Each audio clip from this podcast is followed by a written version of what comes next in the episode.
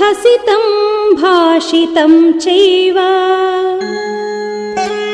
गतिर्यायच्च चेष्टितम् तत्सर्वं धर्मवीर्येण।